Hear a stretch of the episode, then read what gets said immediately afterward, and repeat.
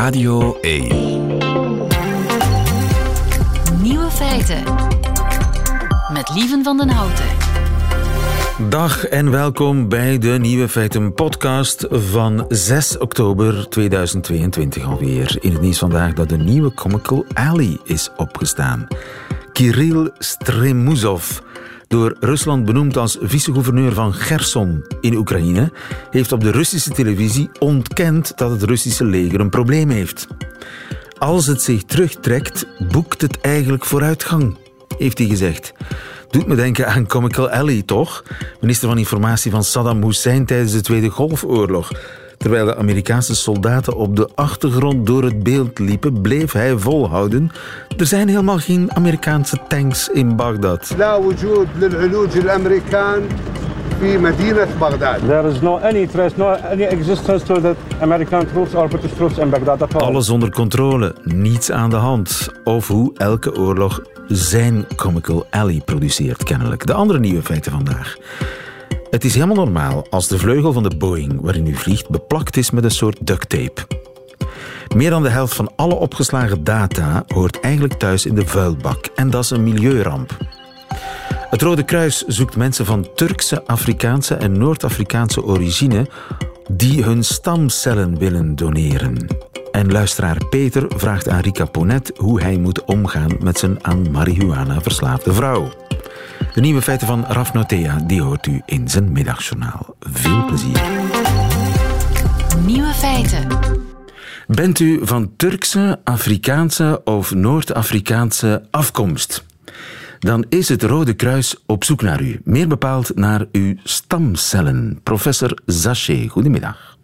Goedemiddag, lieve. Pierre Zaché, hematoloog eh, van de Universiteit van Leuven. Ja, maar ik ben nu met pensioen, hè, dus eh, ik... eh, ik, Daar zijn, wij, daar zijn wij zeer eh, blij mee. Dat u, ik hoop dat u van uw pensioen geniet, professor Zaché. Maar ik, wat mij zo verbaast is dat het Rode Kruis op zoek is naar stamcellen van een bepaalde kleur. Ik bedoel, van mensen van een bepaalde kleur. Hebben stamcellen een kleur? Nee, dat is juist wat we zeker niet willen. Het is zo, stamcellen hebben een bepaalde oorsprong, een, een roots. En het, het is zo dat wij weten dat voor mensen met West-Europese afkomst, zoals, zoals ik en u waarschijnlijk, dat we in meer dan 90% van de gevallen een compatibele stamceldonor kunnen vinden voor een patiënt die een donor zoekt. Ja. Daarentegen voor mensen van een andere oorsprong, Afrikaanse of eh, Aziatische oorsprong, Turkse of- ja, ja. eh, vinden we pas in 60% van de gevallen een donor. En dat is natuurlijk niet fair voor die mensen. En daarom, Maar hebben die mensen een donor nodig van gelijkaardige kleur? Nee, die hebben een donor die, nodig die een, dezelfde genetische afweersysteemkaart hebben. Namelijk, we hebben een afweersysteemkaart, een soort identiteitskaart op onze genen, op, het, op de korte arm van het zesde chromosoom. En dat bepaalt of eigenlijk een donor overeenkomt met een bepaalde patiënt. En eh, voor orgaantransplantatie moet dat niet volledig compatibel zijn, niet volledig overeenkomen, maar voor stamceltransplantatie moet dat volledig overeenstemmen. En de kans is veel groter dat je die overeenstemming vindt bij iemand ja, van je etnische achtergrond. Ja, dat Zoiets. is zo. En in een familie, in een, eigen familie is de kans 1 op 4. In een no- normale wijze bij, bij het zoeken achter een donor voor westerse origine is dat 1 op 50.000. Maar natuurlijk, eh, we weten dat in, in onze banken, onze registers wereldwijd, hebben wij eigenlijk in, in de voorgeschiedenis vooral mensen getypeerd met eh, westerse roots. En eh, momenteel zijn er 40 miljoen mensen, die, of donoren, die zich kandidaat stellen, hebben gesteld om als donor te fungeren als men een vraag stelt. Ziet je? Oké. Maar, maar voor mensen van andere origine is dat veel minder. Dus, en ik kan, als ik zo'n stamcel nodig heb, kan ik dan een beroep doen op potentiële donoren wereldwijd?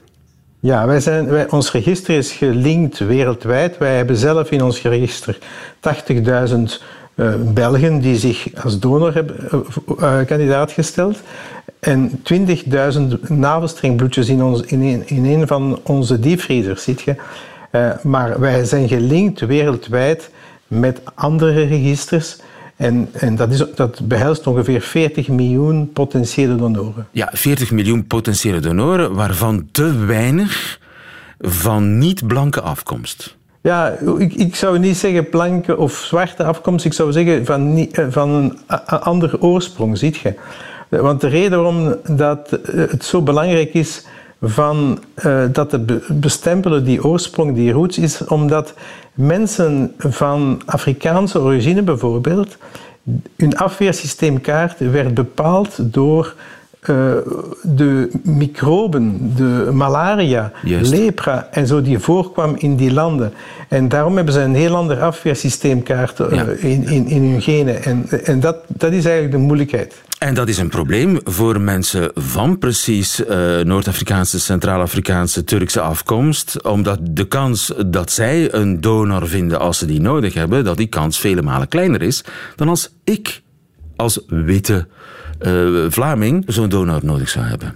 Ja, ja, lieven. En we hebben destijds in 2019 met een andere lieven, lieven van Hiels, ja. een keer een experiment gedaan. We hebben zijn afweerkaart bepaald. En toen zijn we gaan kijken in het register wereldwijd hoeveel donoren dat we hadden voor lieven van Giels.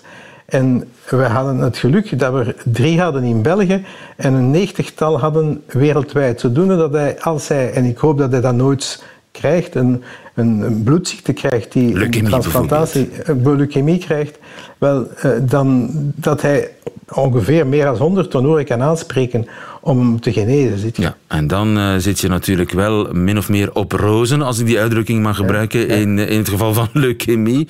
Een fictief voorbeeld natuurlijk. Lieven is een perfecte gezondheid.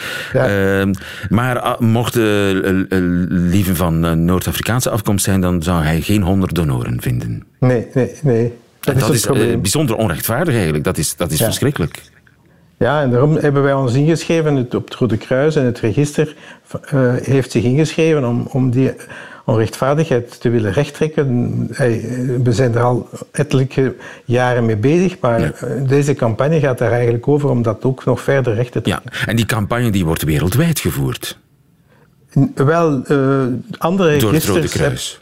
Wel, andere, niet wereldwijd. Wij hebben onze eigen campagne, maar wij weten van andere registers dat zij hetzelfde doen. Ja. Dus een oproep, is, is dat lastig, doneren? Of uh, jezelf kandidaat stellen om te doneren? Nee, eigenlijk is dat... Je, je, moet gewoon naar de website gaan www.stamceldonor.be en daar word je geregistreerd. Als je tussen de 18 en 40 jaar bent, uh, kom je in aanmerking omdat je dan ook uh, uh, tot en met 65 jaar kunt uh, stamcellen geven. Tot 65, en, maar ja, na 40 hebben jullie liever niet? Nee, wij, wij, wij, wij nemen liever gezonde, gezonde mannen, jonge mannen? gezonde dus mannen. Dus het moeten mannen zijn? Wel, liefst mannen, omdat eigenlijk uh, uh, vrouwen, zolang dat ze geen, geen zwangerschap hebben gehad, is dat ook geen probleem. Maar bij een zwangerschap is, is een zwangerschap is ook een soort transplantatie. Hè? Dus uh, een zwangere vrouw mag haar, haar, haar, haar, baby niet afstoten. En na de, tijdens de zwangerschap is er een, een, een, toch een zekere aanpassing van het afweersysteem van de vrouw. Ah, ja. Zodoende dat wij weten dat de resultaten lichtjes minder goed zijn als wij ja. een vrouwelijke donor gebruiken. En die, dat oogsten van die stamcellen, hoe gaat dat? Wel, uh, eigenlijk is dat heel gemakkelijk. Hè. Het is de, iemand die gaat plasma geven. Uh, het is eigenlijk zoals bloed geven. Ja, het is eigenlijk zoals plasma geven. Dat is mijn toestel. Uh, het enige verschil is dat men op voorhand een, een soort EPO moet geven. men, men, noemt dat groeifactoren. Ja, een soort groeifactor moet geven. Dat zijn onderuitse spuitjes om te zorgen dat die stamcellen vanuit het beenmerg naar het bloed migreren. Ga ik daar beter van fietsen? Tijdelijk? Van die nee, EPO? daar gaat u niet beter van fietsen. Nee, nee, nee. nee. Jammer. Nee, nee. Maar goed, dus uh, je, moet, je moet een soort medicijn krijgen dat die stamcellen ja. zal ja, activeren, bij wijze van spreken, ja. in mijn bloed. Dan uh, trekt u mijn bloed en zo kan ik uh, mensen met leukemie over de hele wereld eigenlijk helpen. Ja, ja want ons register is ingeschreven wereldwijd via een, een bepaalde internationale organisatie. Uh, waar dat ook heel, heel, belangrijke kwaliteitsnormen aan verbonden zijn. Ja. Uh, en, en, en dus ons, wij kunnen gaan kijken in het register in het buitenland, maar vice versa kan een register bij ons kijken of dat zij een, een, een compatibele donor vinden. Ja, zijn er veel Belgen die geen donor vinden omdat ze Turks zijn? Wel, dat komt toch wel voor. Ja. Men heeft daar wel andere oplossingen. Hè. Voor mijn collega's die nu nog, eh, laten we zeggen, actief zijn eh, in, in, de, in de transplantaties doen, hebben andere mogelijkheden, maar wij stellen soms wel vast dat, eh, vooral in die, in die groep van mensen, dat wij geen donor vaststellen. Uh, vinden. Uiteindelijk heeft er wel, is er wel een oplossing voor, voor elke patiënt, maar misschien niet de, de, de topoplossing. De topoplossing. Duidelijk. En uh, mensen met Turks-Afrikaanse, Noord-Afrikaanse afkomst, die weten wat hen te doen staat. Professor emeritus Pierre Zaché, dankjewel. Goedemiddag. Ja, dankjewel. Vraag het aan Rika.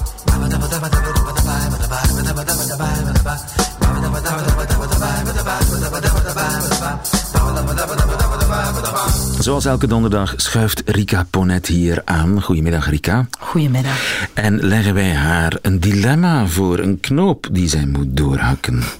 Ik kan kiezen uit een hele berg, nieuwe feiten uit radio1.be. Dat is het eh, e-mailadres waarop al uw uh, dilemma's, problemen, knopen welkom zijn.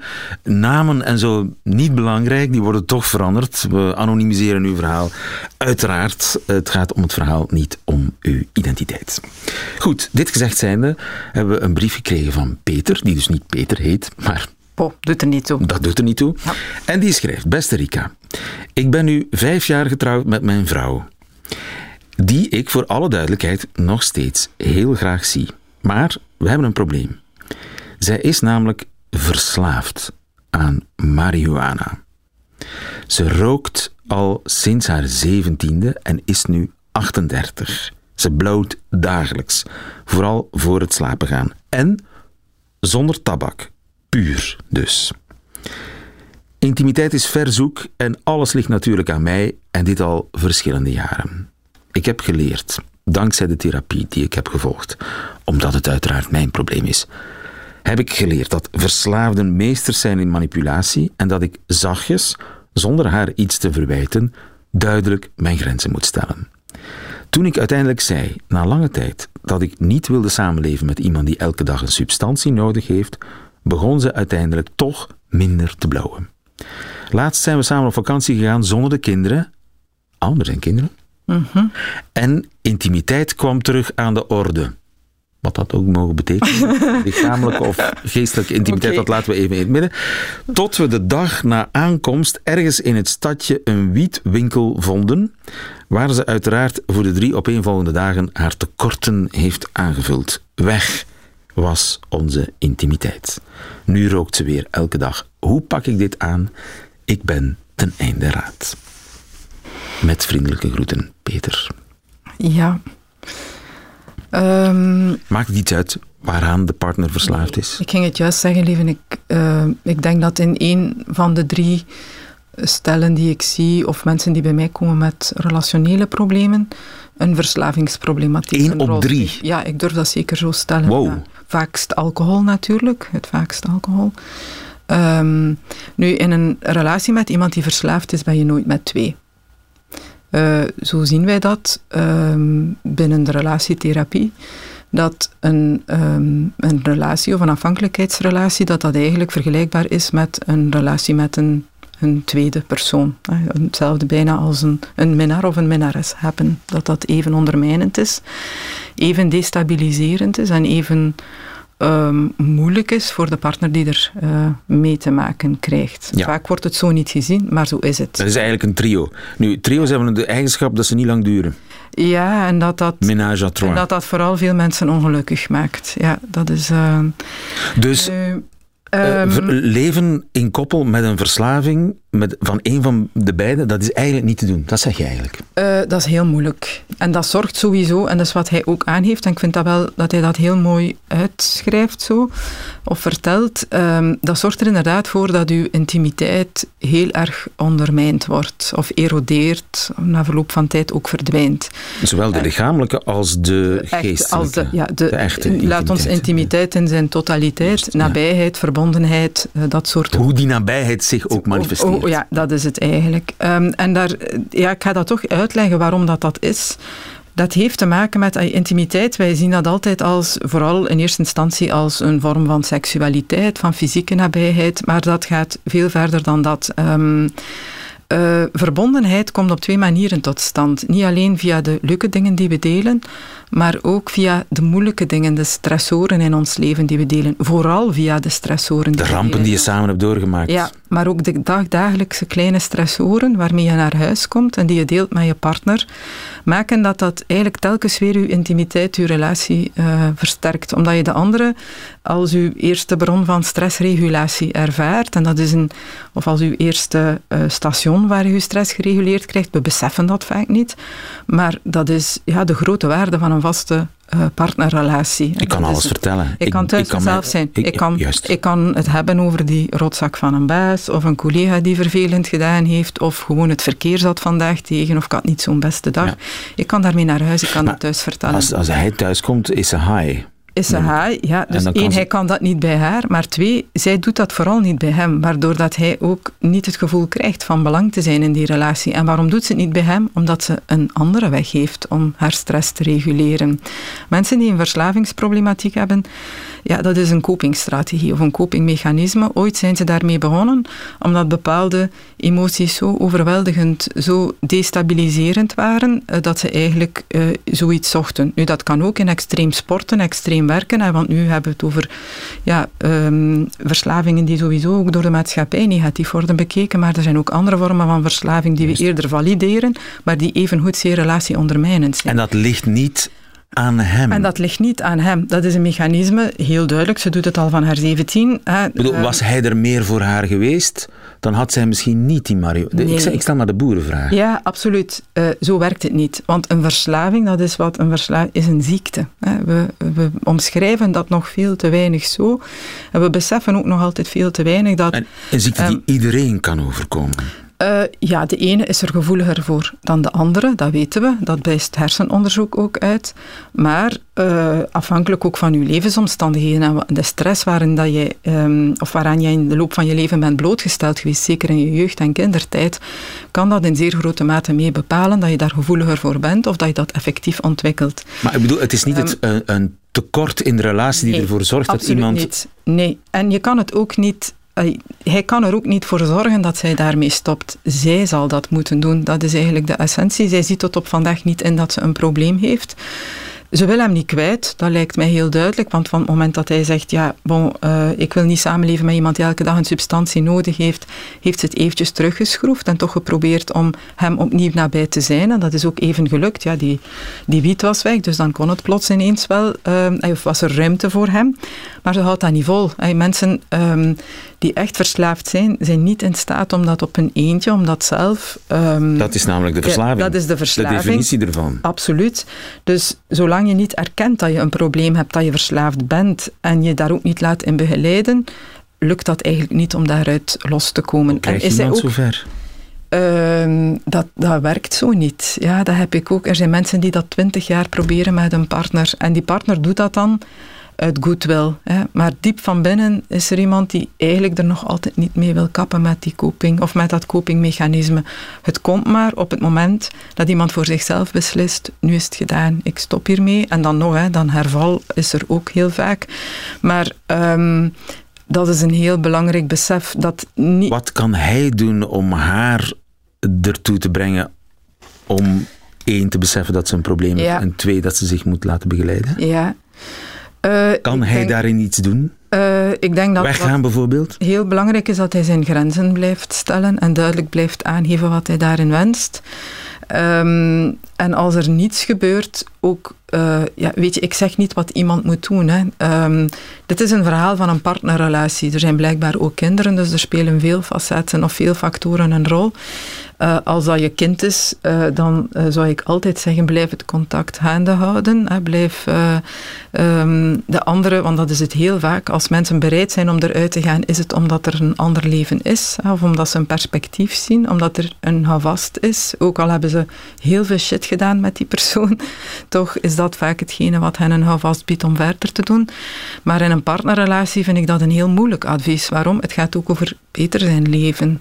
Ehm, in welke mate kan je van iemand verwachten dat die gedurende jaren geduld uitoefent, ondertussen uh, zelf zich heel eenzaam en alleen voelt, want dat ben je in zo'n relatie, heel eenzaam en alleen. En uh, ja, dat voor lief neemt. Ik denk dat dat, uh, als er niet echt van haar kant uit signalen zijn, dat dat in de richting gaat van ik erken mijn probleem en ik wil daar echt iets aan doen, of ik ben bereid in het kader van wat wij hebben om daar iets aan te doen, of vanuit mezelf, want daar moet het eerst en vooral vandaan komen dan, uh, ja, dan vrees ik dat dit het verhaal blijft zoals het is. Dus hoe dan ook, als zij niet externe hulp gaan zoeken... Gebeurt er niets. Gebeurt er niets. Ja, dat is, Dit kun je niet zelf oplossen. Nee, en dat is ook dat manipulatieve. Ze beloven het heel vaak. En dat is hetgene wat men na de twintigste keer de belofte gehoord te hebben als kind van een verslaafde, als ouder van een verslaafde, als partner van een verslaafde geef je het op, stop je ermee. Um, je komt niet ver met een belofte. Er moet een absolute erkenning zijn. Ik heb een verslavingsprobleem. Ik weet dat. Ik ben verslaafd. En twee, ik ben bereid, bereid om mij daar extern te laten in Dat zijn de voorwaarden. Dat zijn absolute voorwaarden. En zonder die voorwaarden... Kom je er niet. Ja. Dat klinkt heel radicaal, maar, maar, het, is zo. maar het is zo. Ja, in de praktijk is het zo. Dankjewel, ja. Peter, en veel succes en sterkte met uh, je verhaal en het oplossen van je problemen. Als er nog mensen zijn die een knoop willen voorleggen aan uh, Rika Ponet, één adres, nieuwefeiten.radio1.be. Dankjewel Rika, tot volgende Graag gedaan.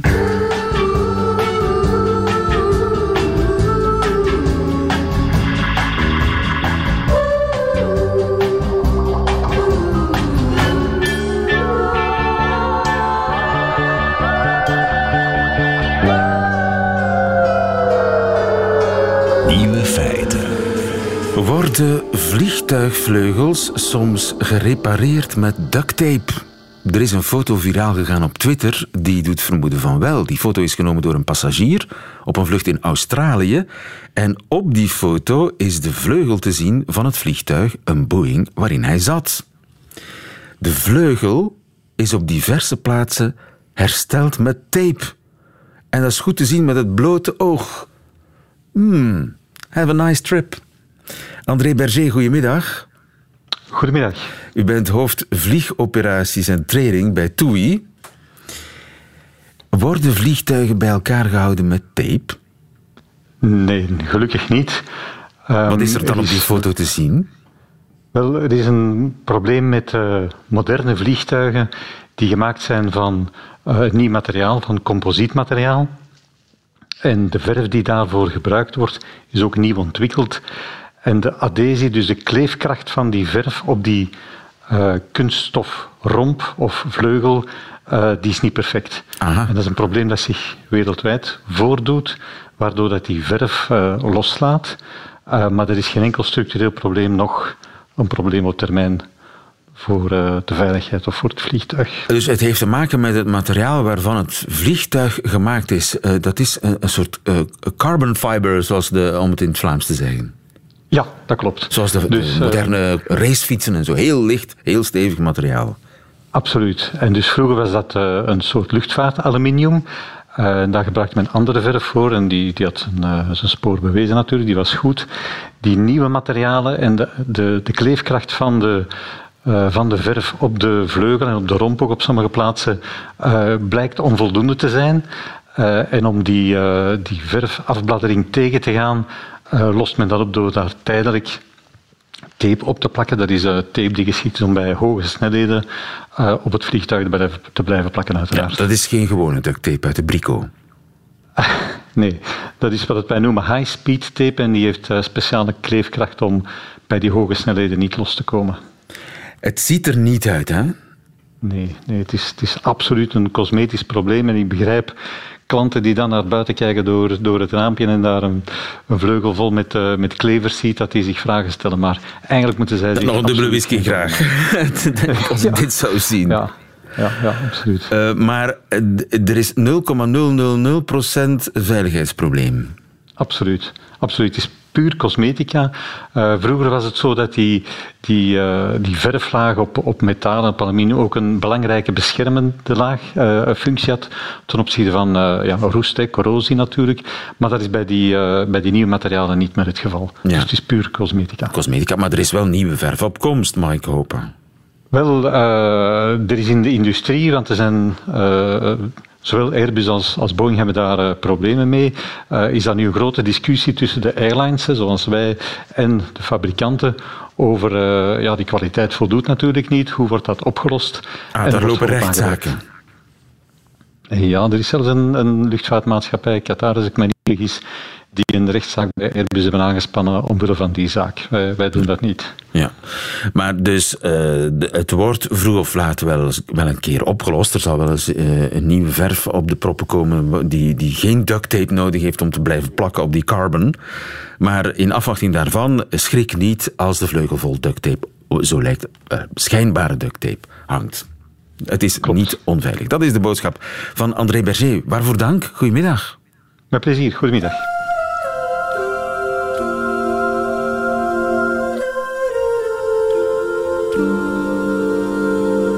Nieuwe feiten.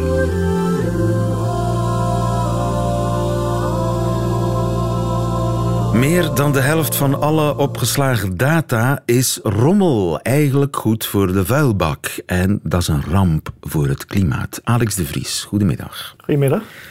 Twee Amerikaanse computerswetenschappers, collega's van jou, die schrijven dat. Uh, ze waarschuwen voor dark data. Wat zijn dark data of wat is dark data? Ja, dat is een hele mooie term, maar het gaat uiteindelijk om iets wat heel simpel is, namelijk data die ergens opgeslagen wordt en die vervolgens uh, vergeten wordt, maar waar je uiteindelijk wel uh, ja, uh, energie aan kwijt bent om in de eerste plaats in te zamelen en natuurlijk langdurig op te slaan. Dus dat zijn bijvoorbeeld oude foto's op de cloud die ik daar achtergelaten heb waarvan ik niet eens meer weet dat ze bestaan, die ik nooit meer ga bekijken. Mails van tien jaar geleden. Wat is zo nog allemaal dark data?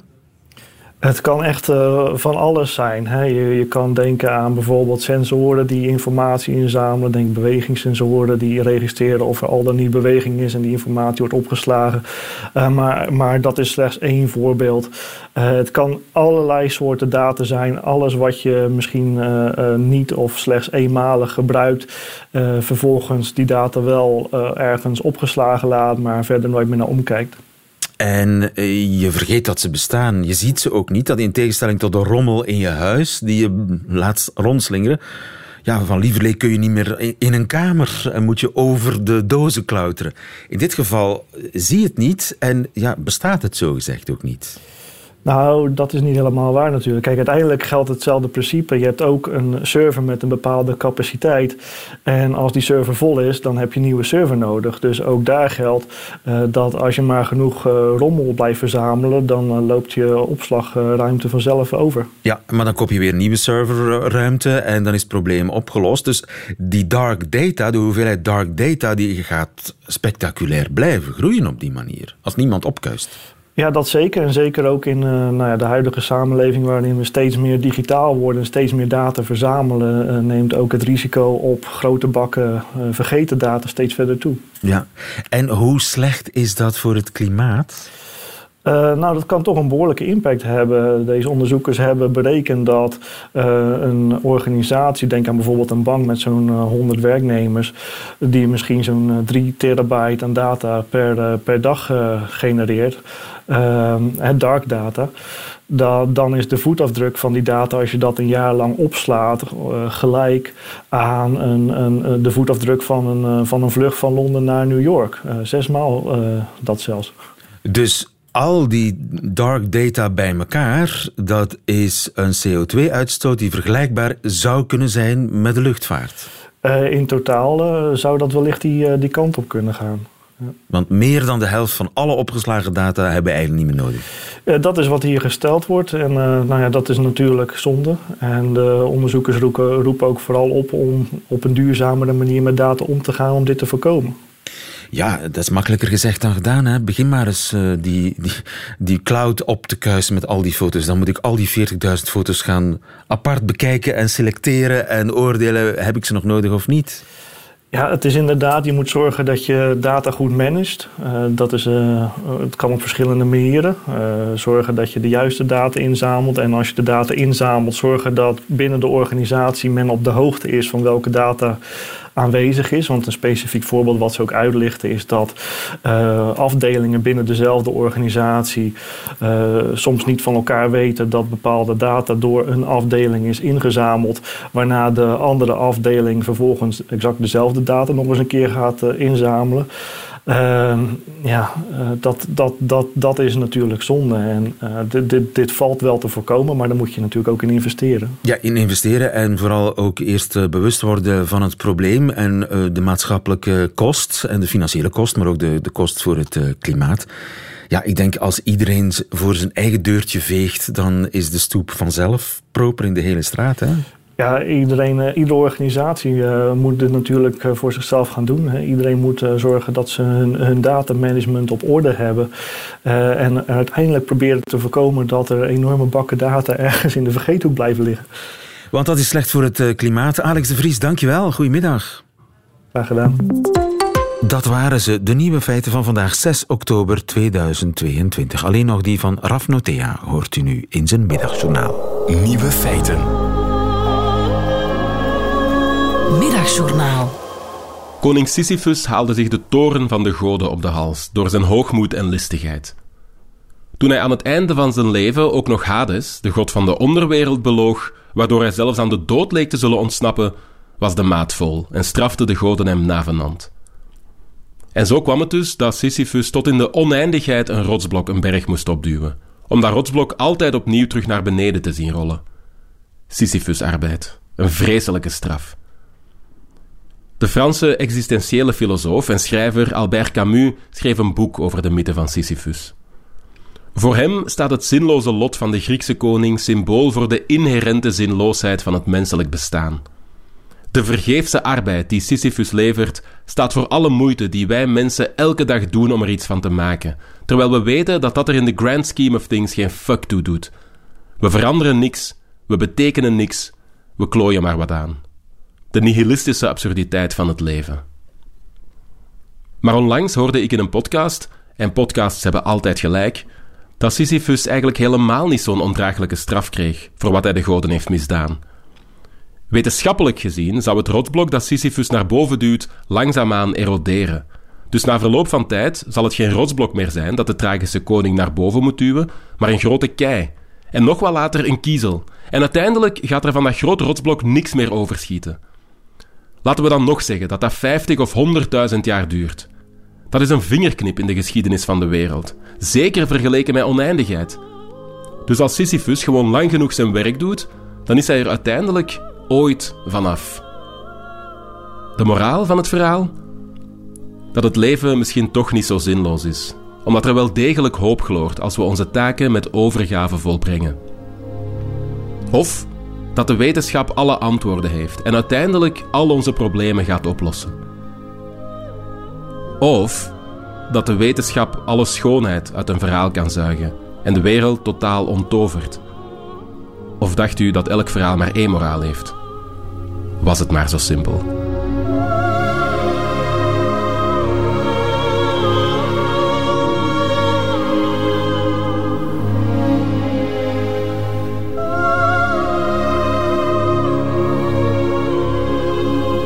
Middagjournaal met Raf Notea. Einde van deze podcast hoort u liever de volledige nieuwe feiten. Dat wil zeggen met de muziek erbij. Dat kan natuurlijk ook live op Radio 1, elke werkdag tussen 12 en 1.